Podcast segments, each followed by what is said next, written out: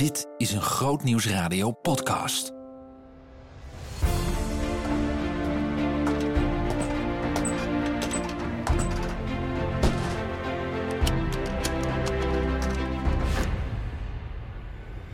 En langzaam, maar wel heel zeker, trok hij een pistool. En voordat hij en ik wist wat er gebeurde, was ik hem voorbij gerend. Tafels op de kop.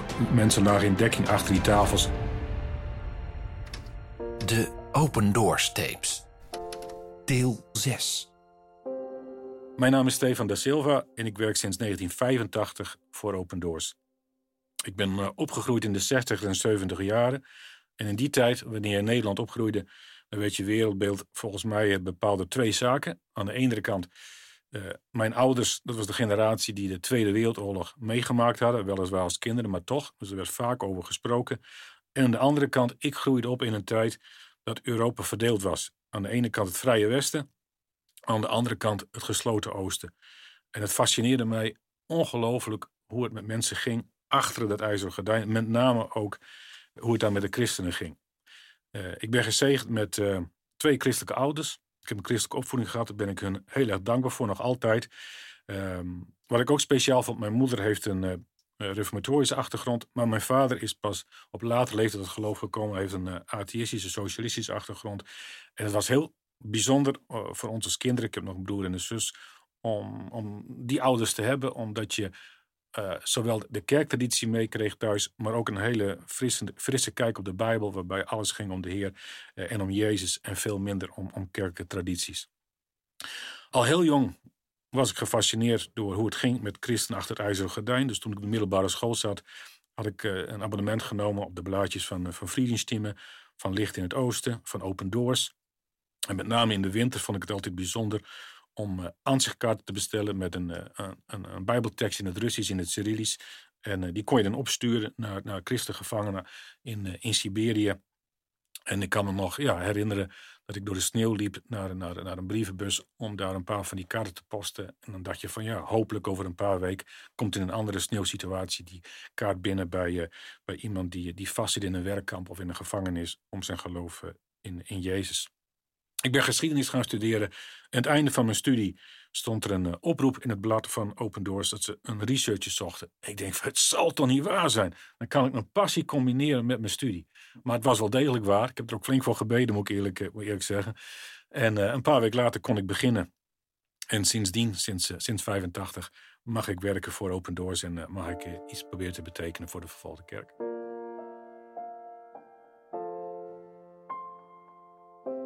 Mijn eerste reis was naar de Sovjet-Unie. Ik werkte ook op wat ze destijds bij Open Doors de afdeling stiekem noemden. En ons, ons belangrijkste land achter het ijzeren gordijn waar we werkzaam waren, was de, was de voormalige Sovjet-Unie. omdat het voor mij een eerste reis was, ging ik met een, een vrijwilliger op pad die al diverse reizen gemaakt had naar, naar de Sovjet-Unie. Iemand die ook vloeiend Russisch sprak.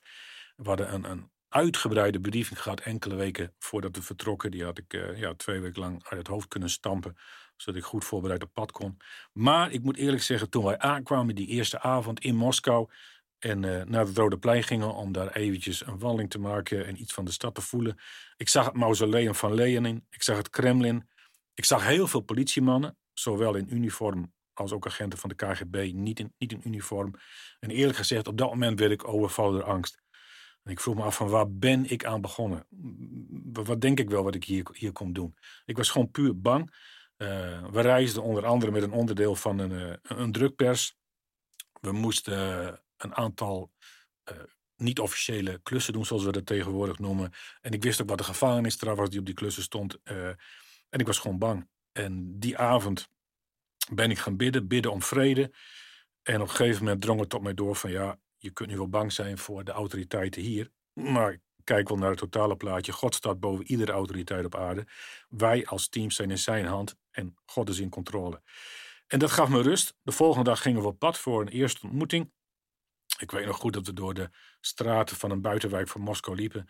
En mijn uh, medereiziger kijkt me aan en hij zegt van, heb je iets speciaals gezien? Ik zeg, nee. Hij zegt van, nou, we worden gevolgd. Let maar eens op die en die persoon. En inderdaad, wij werden gevolgd.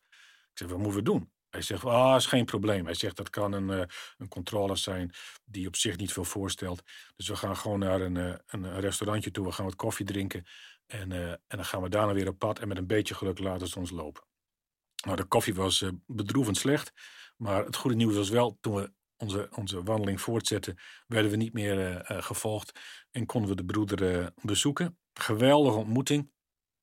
Uh, Anatoly Vlastov, ik, ik, ik, herinner me de naam nog, nog als de dag van gisteren. Voorganger van een ondergrondse Pinkstergemeente. Ik vond het heel bijzonder dat we hem mochten ontmoeten. Een team uit Nederland. En hij was super vriendelijk. Hij zegt van ja, jullie denken dat jullie misschien een lange reis gemaakt hebben. Ik ben er terug uit Siberië om afspraak te maken voor bijbelafleveringen. Dat was nog een paar duizend kilometer verderop. We hadden geweldige ontmoeting. Hebben deze man later ook kunnen helpen. En het was voor mij een hele goede les. Spannend, om achter het te werken, maar tegelijkertijd te weten dat je geborgen bent in de hand van de Heer is, is absoluut fantastisch en is, uh, is, een, is een drijvende kracht geweest al die jaren lang. Ja, je moet je voorstellen, voordat je zo'n eerste reis maakt, er is al van alles aan, aan, aan vooraf gegaan. In mijn geval, ik was in dienst gekomen van Open Doors in wat we noemen een operationeel team, een, een, field team, zoals we dat ook wel omschrijven. Uh, en dat, daar staat zeker in die tijd van alles aan vast toen ik mijn uh, sollicitatiegesprek had, toen werd mij ook verteld van ja, als je hier serieus over bent, dan moet je vooral niemand gaan vertellen dat je bij ons gesolliciteerd hebt. Want kom je bij ons in dienst, dan kun je daar niet openlijk mee omgaan. Oké, dus ik heb me netjes aan die opdracht gehouden. En op een gegeven moment kreeg ik de bevestiging dat ik mocht beginnen bij Open Doors.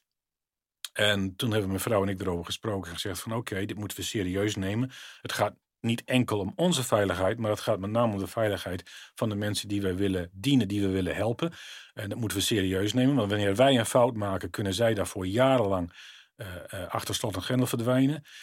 Dus op het moment dat wij verhuisden, vanuit de stad waar wij woonden, hebben wij letterlijk, ik heb onlangs een keer het lijstje gemaakt, tien mensen verteld dat we gingen verhuizen en waarheen we gingen verhuizen en wat ik ging doen.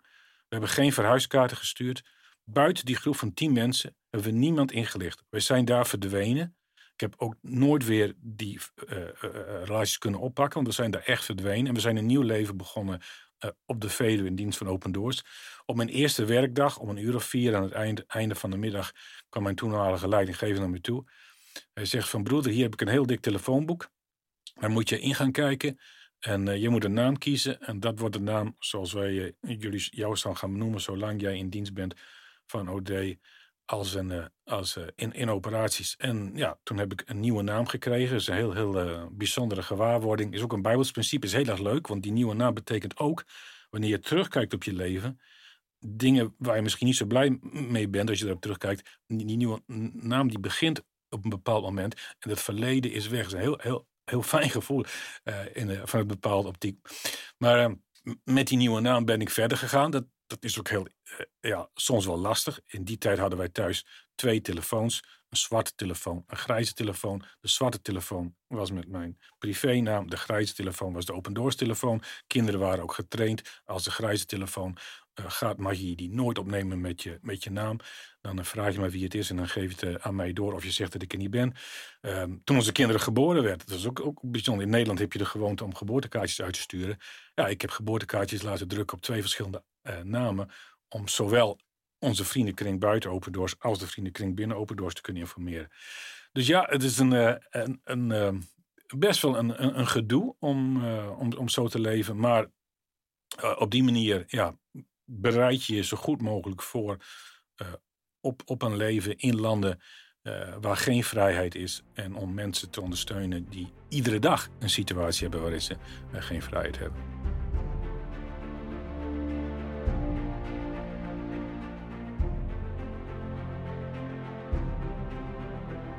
Er zijn veel Bijbelafleveringen waar ik uh, aan heb mogen meewerken.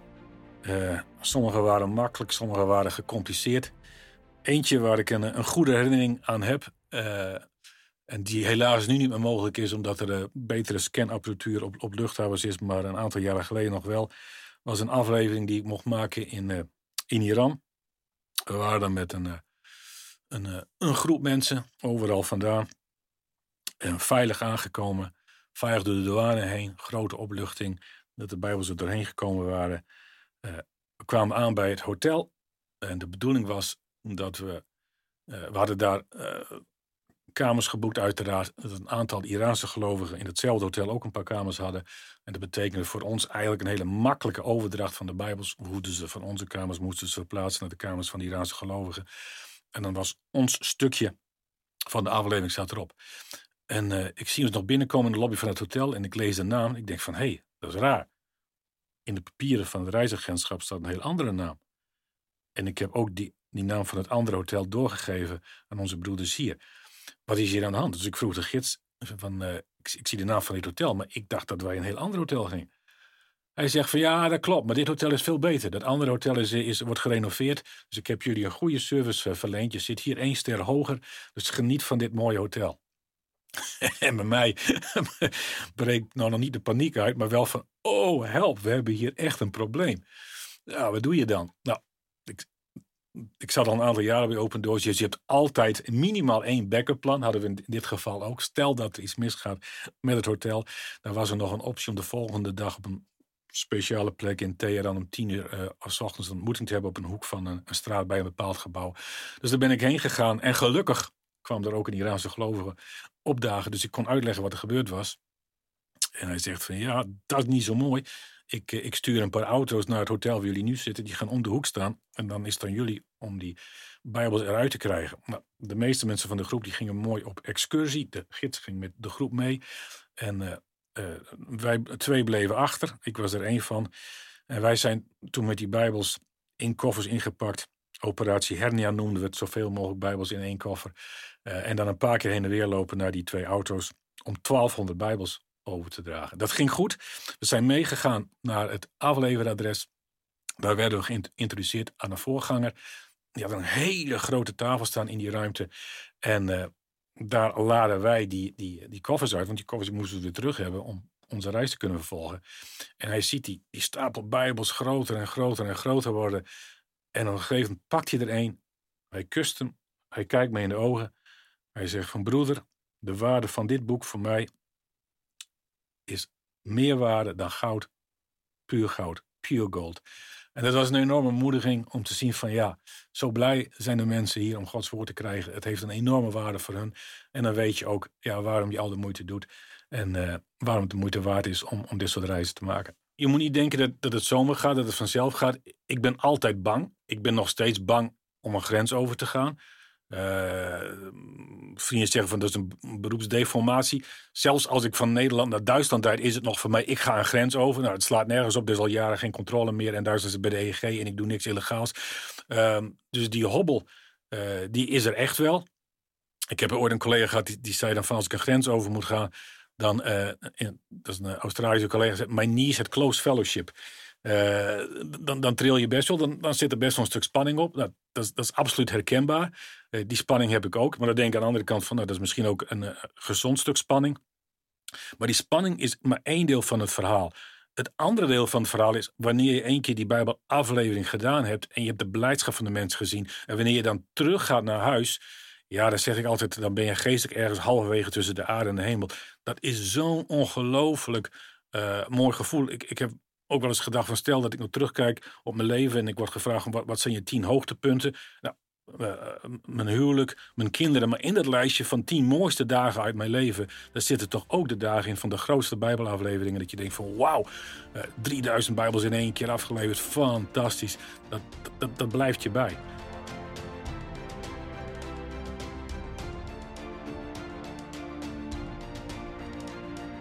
Om, een voorbeeldje van, van zo'n Bijbelaflevering te geven. Jaren geleden, uh, 92 om precies te zijn.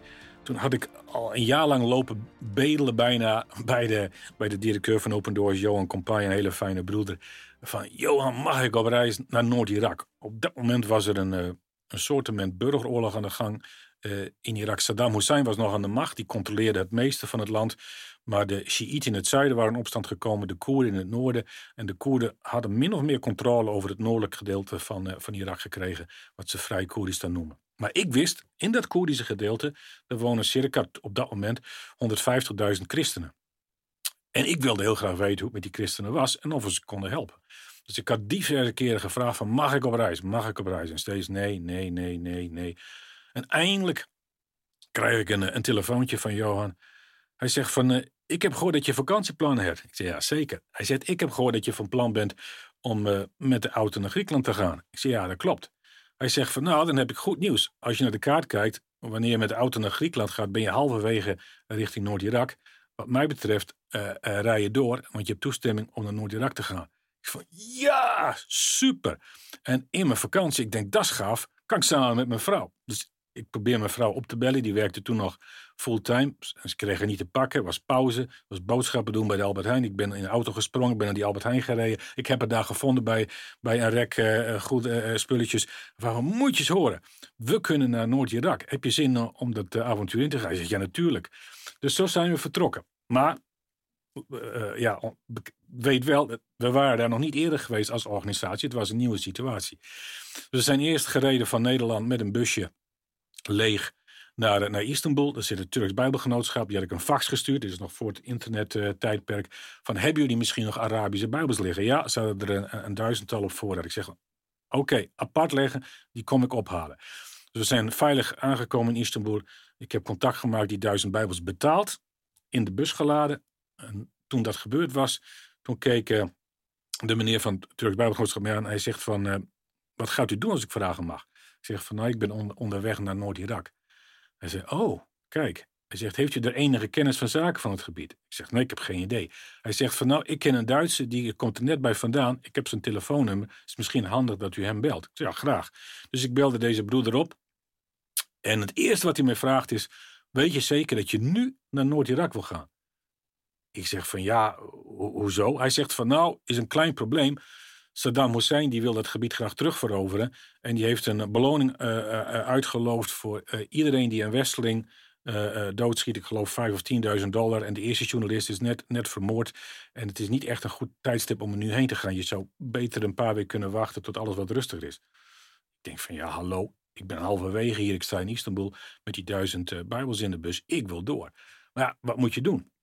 Dus ik heb gebeld naar ons kantoor in Ermelo, de situatie uitgelegd en uh, om gebed gevraagd. Maar eerlijk gezegd, ik durfde mijn vrouw niet te vertellen uh, van die doodsbedrijven. Ik denk van, misschien raakt ze van de paniek, durft ze niet meer verder te gaan. Um, we bidden ervoor en we gaan gewoon door. Dus we zijn doorgereden. Toen kwam het oostelijk gedeelte van Turkije. Daar was de situatie nou ongeveer net zo gespannen, zo niet gespannender als nu. Uh, met het, een groot conflict tussen de PKK, de, de Koerdische Turkse verzetsbeweging en het, en het Turkse leger. En dat was niet zo simpel. Uh, ik kan me nog herinneren dat, dat we daar bijvoorbeeld een, een militair konvooi inhaalden. En dan volgden de soldaten met, met, met hun automatische uh, wapens totdat je buiten, uh, buiten schot was. Ik kan me een ander, ander punt herinneren. Dat daar lagen een paar PKK-mensen in hinderlag naast de weg. En ja, ik heb maar even gezwaaid en ik ben er gauw langs gereden. Dus we waren blij dat we bij de grens kwamen. Maar er wacht ons een volgende probleem. Een paar kilometer voor de Turkse grens met Irak was er een enorme file van vrachtauto's. Ik denk van nou, wij zijn geen vrachtauto's, dus laten we die voor de zekerheid maar inhalen. Dus ik kwam vooraan te staan op de grens tussen Turkije en uh, Irak. En het was doodstil, er is geen mens te bekennen. Dus ik ben daar rond gaan lopen, op deuren geklopt en uiteindelijk een Turkse douanier gevonden. En die kijkt me aan en die zegt, wat kom je hier doen? Ik zeg van, dat is toch vrij duidelijk, dit is de grens tussen Turkije en Irak. Ik wil Turkije uit, ik wil Irak in. Hij zegt, heb je die file niet gezien? Mijn regering heeft de grens gesloten. Uh, dat kan nog wel een week of twee duren voordat die grens weer open gaat. Ik zeg, kom op man, ik ben helemaal uit Nederland komen rijden. Kun je van mij geen uitzondering maken? Hij kijkt me aan van, nou wat is dat voor bizar figuur. Dus hij loopt met me mee. Ik denk van, ik moet nu een goede indruk maken. Dus ik gooi alle, alle deuren open van de bus. En uh, ik zeg van, doorzoek alles maar. Er is niks aan de hand. We zijn gewoon christenen onderweg naar, uh, naar, uh, naar, naar, naar de mensen in Noord-Irak. Het was 40 graden plus, loei loei heet. Hij wilde weer graag terug naar zijn kantoortje met airco. Dus we kregen een stempel in ons paspoort. Boom, de eerste hobbel was genomen. Nu het Irakese gedeelte. Wat wacht ons daar? We hadden geen idee. We rijden de brug over en er staat een Peshmerga, een, een Koert met een, uh, met een uh, AK-47 en Kalashnikov. Die kijkt ons vol verbazing aan. Wie komt hier de grens over? Ik doe het raam open, ik groet hem salam. Hij zegt niks. Ik denk mooi, ik rij gelijk door. We komen bij het uh, douanegebouw van de Irakese kant. En daar is niemand. Want de Turken hadden de grens gesloten, dus de mensen waren lekker vrij. En zo zijn we Irak binnengegaan zonder enige controle. We hebben de uh, Bijbels veilig kunnen afleveren, hebben contacten kunnen maken met Irakese gelovigen, een hele gezegende tijd gehad. Alleen ik heb onze tijd wel ingekort, want ik zag iedereen met, met Kalashnikovs op straat lopen. En na een paar dagen zei ik tegen mijn vrouw van... oké, onze klus is geklaard, we gaan nu weg. Ik zeg van nu al. Ik zeg van ja, job zit erop, we gaan terug. En toen zijn we teruggereden. Zonder problemen Irak uitgekomen, Turkije weer in. En toen we één keer in het westelijk deel van Turkije waren... toen heb ik mijn vrouw verteld van ja, sorry dat ik uh, niet langer wilde blijven... maar dit is de reden. En dan vind ik het heel mooi hoe de Heer zo'n verhaal afmaakt. Ten eerste werd ze gelukkig niet boos. En ze zei van nou, als ik dit van tevoren geweten had, had ik niet het lef gehad om door te gaan. En ik ben heel blij dat we deze reis wel hebben kunnen maken. Maar af en toe had mijn vrouw er nog wel een, een, een, een, een angstdroom over. En ik wist niet hoe ik dat moest handelen. Maar aan het einde van het jaar ging naar Engeland voor, voor, voor een cursus om te praten over je christelijk geloof met mensen met een islamitische achtergrond. En een van de, van de leraren was een eh, evangelist uit Jordanië, Victor Hashway. Ik zie hem nog voor ons klasje staan. En vol enthousiasme roept hij iedereen op om, om Jezus bekend te maken, ook in Arabische landen. En hij zegt, een van de gebieden waar je over na zou moeten denken is Noord-Irak. Daar is een nieuwe situatie. Hij zegt, die mensen hebben echt hulp nodig, ook Gods woord. Er is een Duitser geweest, die heeft zeven, week, zeven weken gewacht aan de grens met Turkije, mocht het land niet in en is uiteindelijk weer teruggegaan. Hij zegt, voor zover ik weet is het dit jaar maar één Bijbelaflevering geweest in het hele gebied en we weten niet hoe die Bijbels erin zijn gekomen. En ik zit daar te luisteren. Ik denk van één Bijbelaflevering in Irak, in Noord-Irak, in Koershilde. Dat was een reis die mijn vrouw en ik gemaakt hebben. Ongelooflijk. Dus je kon terug naar huis. Het was nog voordat we, hadden nog geen kinderen. En dan, als ik op reis was geweest, dan vierden we dat vaak met, uh, met samen uit eten. En we zitten op ons fietsje onderweg naar de Chinees. En ik vertelde het aan mijn vrouw. En daarna nooit meer een angstdroom. De Heer had haar ook vrede gegeven. Dus de Heer is om controle. De klus kan moeilijk zijn, kan uitdagend zijn. Maar ik blijf erop hameren. We hebben een geweldige God. En het is fantastisch om Hem te mogen dienen.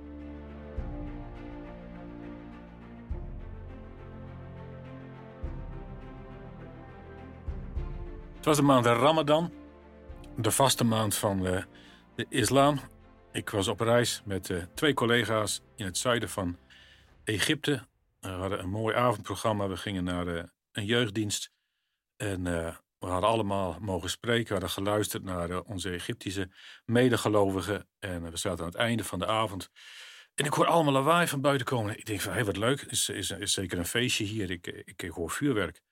En toen realiseerde ik mij, het is helemaal geen vuurwerk. Er wordt geschoten.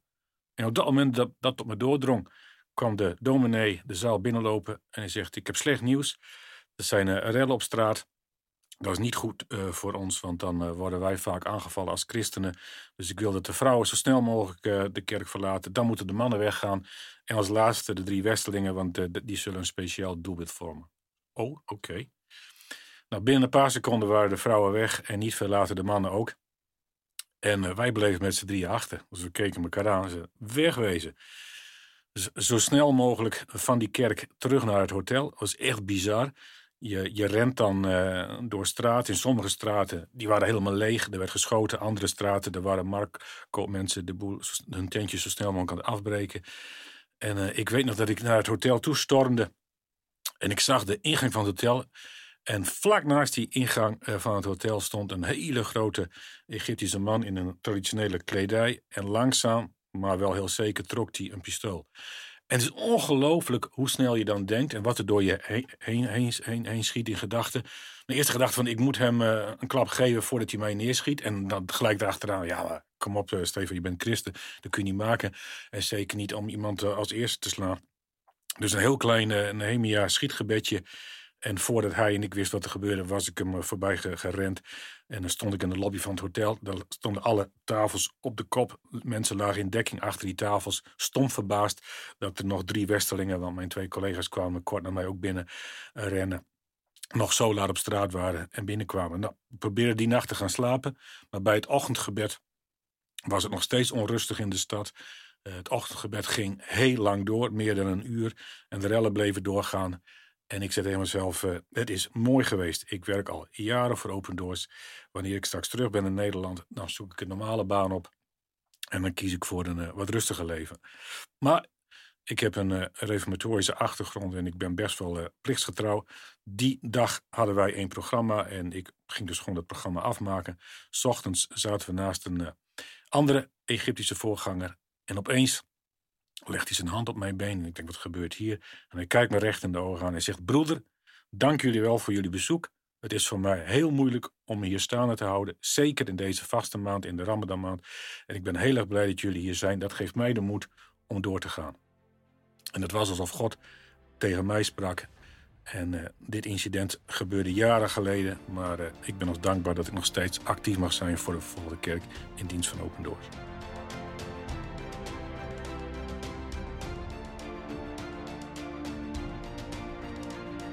Ja, inmiddels zitten we in 2021.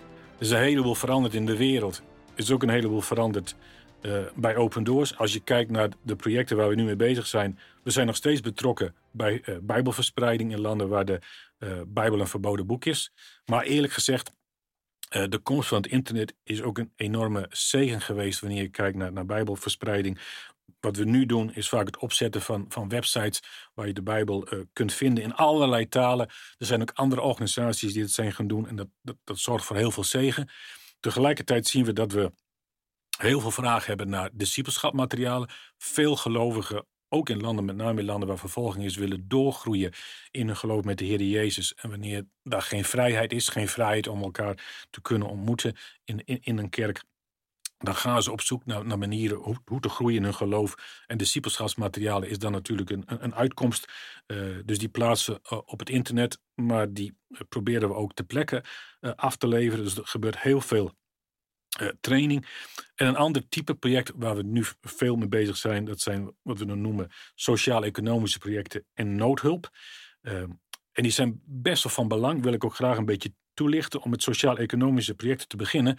Uh, wanneer je kijkt naar landen waar vervolging plaatsvindt, dan zijn het vaak landen waar uh, het geloof, de religie, een niet-christelijke religie is. Dan kun je denken aan islamitische landen zoals uh, Saudi-Arabië, Iran of, of, of, Jemen. Je kunt denken aan, aan hindoelanden zoals India en Nepal of aan boeddhistische landen zoals Myanmar, Bhutan, Sri Lanka. En wanneer mensen dan tot geloof komen en die keren uh, zich af van het traditionele geloof, dan levert dat hun vaak heel veel problemen op, in, inclusief het feit dat ze vaak hun baan verliezen. En dan is het heel mooi wanneer we langs zij kunnen komen, dat we de Bijbel kunnen brengen, dat we geestelijke bemoediging kunnen brengen. Maar tegelijkertijd, wanneer deze nieuwe gelovigen in Jezus geen baan hebben, dan, hebben ze, dan kunnen ze, ja, niet, uh, hebben ze geen inkomen. En dan worden ze toch vaak geforceerd om te gaan emigreren. Terwijl wij graag willen zien dat we het lichaam van Christus in deze landen kunnen versterken. En om die reden zijn we flink betrokken bij sociaal-economische projecten om bekeerlingen ook, ook uh, met werk te helpen dat ze uh, kunnen voorzien in hun levensonderhoud. En tot slot iets wat ik eigenlijk persoonlijk heel erg triest vind. Uh, we zijn meer en meer betrokken bij, bij noodhulp. dat speelt al een aantal jaren. Dan kun je denken bijvoorbeeld aan de situatie in Irak een aantal jaren geleden, toen Al-Qaeda, een islamitische terroristische beweging, daar heel erg tekeer ging. Een paar jaar geleden uh, ging, speelde dat opnieuw, zowel in Irak als in, in Syrië met, met, met ISIS. Uh, we hebben op dit moment heel erg druk in West-Afrika, in Nigeria, in omliggende landen, waar Boko Haram heel veel aanvallen uitvoert op christengemeenschappen en, en heel veel mensen op de vlucht zijn.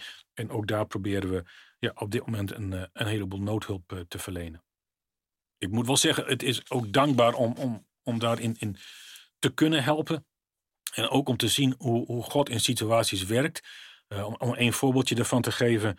Ehm, wij proberen vluchtelingen op te vangen in de regio zelf, het liefst in het land zelf. Dus we doen veel opvang in bijvoorbeeld Syrië of in het noorden van Irak of in Nigeria zelf.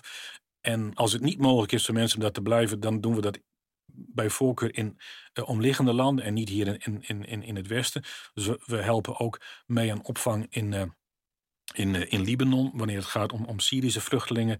En ik, ja, ik, ik ben daar een aantal keer naartoe geweest en heel veel bijzondere mensen mogen ontmoeten. Onder andere een vrouw die vertelde dat zij gevlucht was vanuit Aleppo met haar man naar, naar Libanon. Terechtgekomen in, in de BK-vallei. En uh, op, zoek, op zoek naar werk uh, vonden ze in eerste instantie niet. En ze waren allebei van islamitische achtergrond, maar ze hadden, hadden gehoord dat een, een, kerk daar hulp verleende. En ze is naar die kerk toegegaan, heeft een dienst meegemaakt, vond ze heel mooi. En na afloop vroeg ze aan de, aan de diaken daarvan, kunt u mij helpen, want ik weet dat hier voedselpakketten uit, uitgedeeld worden. En de diaken zei van ja, dan moet ik eerst een interview met u doen, want er komen heel veel Syrische vluchtelingen hier en wij helpen alleen de meest urgente gevallen. Dus ze deed een interview en na afloop zei die Jacob van... ja, ik heb slecht nieuws voor u. Uh, het, het, gaat, u, u, zit in een moeilijke situatie, maar eerlijk gezegd zijn er mensen die nog slechter af zijn. Uh, u moet eerst uw eigen geld maar opmaken en ja, dan, dan, zien we wel verder. Dus daar was ze erg teleurgesteld mee. Maar aan de andere kant had die kerk iets meegemaakt en die vond ze heel erg mooi. Dus dan zei ze van ja, ik ben moslim, maar vindt u het goed dat ik naar uw kerk blijf komen? Hij zei nee, u bent welkom. Dus iedere week ging ze naar deze dienst toe. En na een week of 12, 13 kwam ze op terug en zocht ze contact opnieuw met deze diaken. Ze zegt van, ik heb een probleem. Of ze zegt, eigenlijk heeft mijn man een probleem. Die heeft een ongeluk gehad met, met zijn bovenarm, met zijn schouder. En die heeft uh, een uh, ja, medische behandeling nodig met, uh, met, met ondersteuning. En dat kost omgerekend in euro's ongeveer 180 euro. We hebben dat geld niet. Hij heeft wel een baantje gevonden. We kunnen overleven. Maar zou u ons misschien kunnen helpen? En Jake die kijkt eraan. Die zegt van nou, volgens mij zie ik u heel regelmatig in de kerk. Klopt dat? Ze zegt van ja, ik, ik kom in principe iedere, iedere week. Hij zegt van nou, dan heeft u wel gezien dat wij iedere week hier een collecte doen. En dat doen we altijd voor iemand die een, een, specifiek probleem heeft. Dus hij zei van deze week, volgende week hebben we iemand op de lijst staan. Maar over twee weken staat er nog niemand. Zet ik uw man op die lijst en dan gaan wij voor hem collecteren. En dat gebeurde. Nou, je raadt al wat de uitslag was. 100, net iets meer dan 180 euro omgerekend. Dus was precies genoeg geld om voor deze medische behandeling voor haar man uh, te betalen. Dus heel enthousiast rent ze met dat geld terug naar uh, haar huis. Ze vertelt haar man uh, wat er gebeurd is. Ze geeft hem het geld. Hij staart haar aan. Hij is eventjes stil. En dan zegt hij van volg mij. En voor de rest zegt hij niks. En ze heeft geen idee wat er gaat gebeuren. Maar ze volgt haar man. Hij loopt naar de dichtstbijzijnde moskee. En daar aangekomen vraagt hij om ontmoeting met de lokale uh, mullah, de, de, lokale geestelijke islamitische leider, en, en de lokale sheik. En nadat ze zijn gekomen, steekt haar man van wal. Hij zegt van wij zijn hier nu een maand of drie, vier als uh, Syrische vluchtelingen. Uh, wij zijn moslims en in al die tijd hebben jullie niet één keer naar ons omgekeken. In al die tijd hebben jullie niet één keer gevraagd hoe het met ons gaat. Kijk naar mijn vrouw. Zij is moslim, ze gaat naar die, naar die kerk toe waar ik nog nooit een voet gezet heb. En deze mensen die houden een collecte van mij. Ze kennen mij niet eens. En ik ben moslim. Dat is het geloof wat mij aanspreekt. Ik wil meer weten van dat geloof. Ik wil meer weten wat deze mensen drijft. Ik heb uh, genoeg gehad van jullie en ik ga nu naar deze kerk toe. Nou, om een lang verhaal kort te maken, ze zijn inmiddels allebei gedoopt en heel enthousiast lid. Het getuigenis van de kerk zien wij heel sterk in Libanon en in Syrië, waarbij veel mensen getrokken worden tot het christelijk geloof, tot een boodschap van liefde en getrokken worden tot de Heer Jezus. En dat is heel erg mooi, ook in een hele moeilijke omstandigheid, want die oorlog is verschrikkelijk om dat te mogen zien. Kijken we naar de situatie van de kerk nu en wat we verwachten voor de komende jaren, ja, daar wil ik niet omheen draaien. Dat is best wel een, een somber scenario. Uh, ik, ik zit in, in research en onderzoek. Het is heel duidelijk. Uh, we zien twee trends in de wereld. Aan de ene kant uh, vervolging neemt toe, zowel qua intensiteit als aan de andere kant qua omvang. Uh, we geven ieder jaar de wereldranglijst uit uh, met betrekking tot vervolging. Nou, 10, 20 jaar geleden, om in die top 50 te komen, dan moest je minimaal ongeveer 40 punten scoren. Nou, inmiddels is dat toegenomen tot, tot 60 punten plus. Dat is echt heel erg, want het is echt een, een indicatie dat vervolging, ja, de druk flink is toegenomen in, in, in een periode van ruim 10 jaar. Tegelijkertijd Vroeger waren er misschien 40, 45 landen waarvan wij zeiden van daar zouden we eigenlijk moeten werken. Daar is die druk zo hoog. Die lijst is nu toegenomen tot 74, 75. En daarmee zie je dat ja, het steeds moeilijker wordt voor christenen in steeds meer landen. En dat, dat zijn geen dingen waar je blij van wordt. Maar wat we vaak vergeten in Nederland is dat God zijn kerk bouwt. We zien teruggang van het christelijk geloof in heel veel Europese landen. Maar kijk je buiten Europa, dan zie je een enorme kerkgroei. Uh, Nepal van 50.000 naar meer dan, dan een half, miljoen. Toen de Amerikanen Vietnam moesten verlaten in 75 waren er, wat was het, 50.000 protestantse christenen, nu meer dan 600.000. Het aantal moslimbekeringen in Iran van mogelijk 10.000 in 79 toen, je, toen de Ayatollahs dit land overnamen naar meer dan een miljoen nu. Dus echt fascinerend om te zien hoe, hoe God werkt. En dan moet ik vaak denken aan Matthäus 24, waarin de Heer Jezus praat over aan de ene kant het feit dat de volgelingen van, van, van, van hem meer en meer gehaat zullen worden. Hij zegt zelfs door alle, alle volken. Dus dan heb je een situatie waar vervolging niet meer beperkt is tot een aantal regio's, maar dat het wereldwijd geworden is. Maar tegelijkertijd praat Jezus ook over een periode waarin het geloof de uiteinde van de aarde bereikt heeft, waarop alle volken bereikt zijn met, met, met de boodschap uh, van zijn verlossing. En dat is volgens mij de tijd waar we nu in zitten. Dus het is, het is een hele speciale tijd. En voor mij betekent dat we moeten ons vasthouden aan wat God onze Vader ons wil laten weten. De Bijbel, dat is zijn woord. Dat woord is niet veranderd. Dat staat net zoals God staat. En om dan in zijn dienst bezig te zijn, en dat maakt niet uit of je in Nederland actief bent of in een, of in een ander land, dat, dat principe blijft hetzelfde. En wanneer je dan bezig bent met andere gelovigen, in mijn geval met, met vervolgde christenen, dan vind ik het gewoon heel erg bijzonder. Waar je ook bent, of ik nu reis naar, naar Vietnam, of naar Pakistan, of naar Egypte, of naar Colombia. Binnen een paar minuten heb je een klik met iemand, omdat hij datzelfde geloof heeft.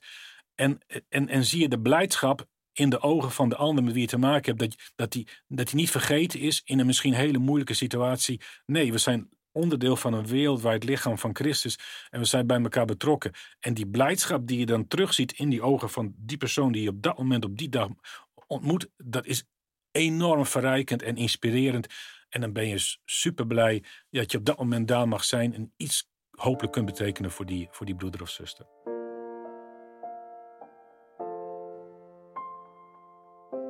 Ja, wat kunnen wij doen in Nederland? Moet ik altijd denken aan een getuigenis van een, ehm, een, zakenvrouw met wie we jarenlang hebben mogen optrekken. Ze was tot, geloof gekomen toen ze al uh, voorbij de 50 was. Maar echt een levend geloof in de Heer Jezus. En ook met een passie voor vervolgde christenen. Dus ze was een hele trouwe bidster. Ze was een hele trouwe gever voor, voor, voor, voor hulpprojecten. Maar ze was ook bereid om op reis te gaan. Dus ieder jaar meldde ze zich bij ons. En dan ging ze één keer per jaar op reis om vervolgde christenen te bemoedigen. En dan nam ze een, een koffertje met bijbels mee. En dan ging ze biddend mee op pad, biddend om die bijbels veilig af te leveren. Maar ook biddend dat ze ontmoetingen mocht hebben met mensen en die iets over de Heer Jezus kon vertellen. En uh, ik weet dat ze op een van die reizen een, een, aflevering had gedaan in Teheran. En toen doorreizen naar Isfahan, een prachtige stad in het midden van Iran. En dat deed ze haar gewone ding. Ze ging op een bankje zitten in de hoop dat ze kon praten met een paar uh, vrouwen uit Iran in dit geval. Maar toen ze op dat bankje ging zitten, binnen een paar minuten kwam er een man voorbij. Die keek eraan en die, die zegt: Ik kan zien dat u uit het Westen komt. Bent u een christen? Ze zegt ja. Hij zegt: van, Mag ik u een paar vragen stellen? Ze zegt: van, Ga zitten. Hij zegt: van, Nou, mijn broer is een aantal jaren gevlucht uit Iran. Die woont nu in Amerika. Ik vind het prima. In Amerika heeft hij een groot doel en dat is heel veel geld verdienen. Vind ik ook, ook prima. Alleen tijdens zijn, verblijf in, in, in Amerika heeft hij iets ongelooflijk stom gedaan. Hij heeft het geloof in uh, de islam opgegeven en hij gelooft nu dat Jezus zoon van God is. Ik snap niet hoe je zoiets kunt geloven, maar blijkbaar heeft u datzelfde geloof. Kunt u mij dit uitleggen? Ze zegt van ja zeker, ik ben ook een volgeling van de Heer Jezus, dat wil ik wel proberen. Dus zij probeert hem uit te leggen waarom wij geloven dat Jezus echt zoon van God is. En na een kwartier, twintig minuten kijkt hij aan en zegt van nou dank u wel, ik denk dat ik genoeg gehoord heb. Nog een fijne dag en hij loopt weg. Eén ontmoeting uit heel veel ontmoetingen uit een hele lange periode, jaar op jaar. Ze wordt bijna tachtig. Ze mag nog één keer voor ons op reis. En ze gaat opnieuw terug naar Iran. Ze komt aan op de internationale luchthaven in Teheran met haar koffertje voor Bijbels. Daar staat ze op te wachten. Het is druk in de, in, de, in, de, in, de, in de terminal. Er zijn een aantal vluchten tegelijkertijd binnengekomen. Dus ze moet even wachten op haar koffer. En ze kijkt een beetje rond. En opeens ziet ze aan het einde van de hal diezelfde man die ze ontmoet had een aantal jaren geleden op dat bankje in Isfahan. Dus ze kijkt naar hem en na een tijdje kijkt hij terug in haar richting, naar haar. Hij herkent haar ook. Dan glimlacht hij. Hij begint een beetje te frutselen aan zijn overhemd. Hij doet zijn overhemd open. Hij haalt er een kruisje uit. Hij kust het kruisje. Hij verstopt het kruisje weer in zijn overhemd en verdwijnt in de massa. God is groot, God is goed, Hij kan ons allemaal gebruiken in gebed, in geven en in gaan. Dank u wel.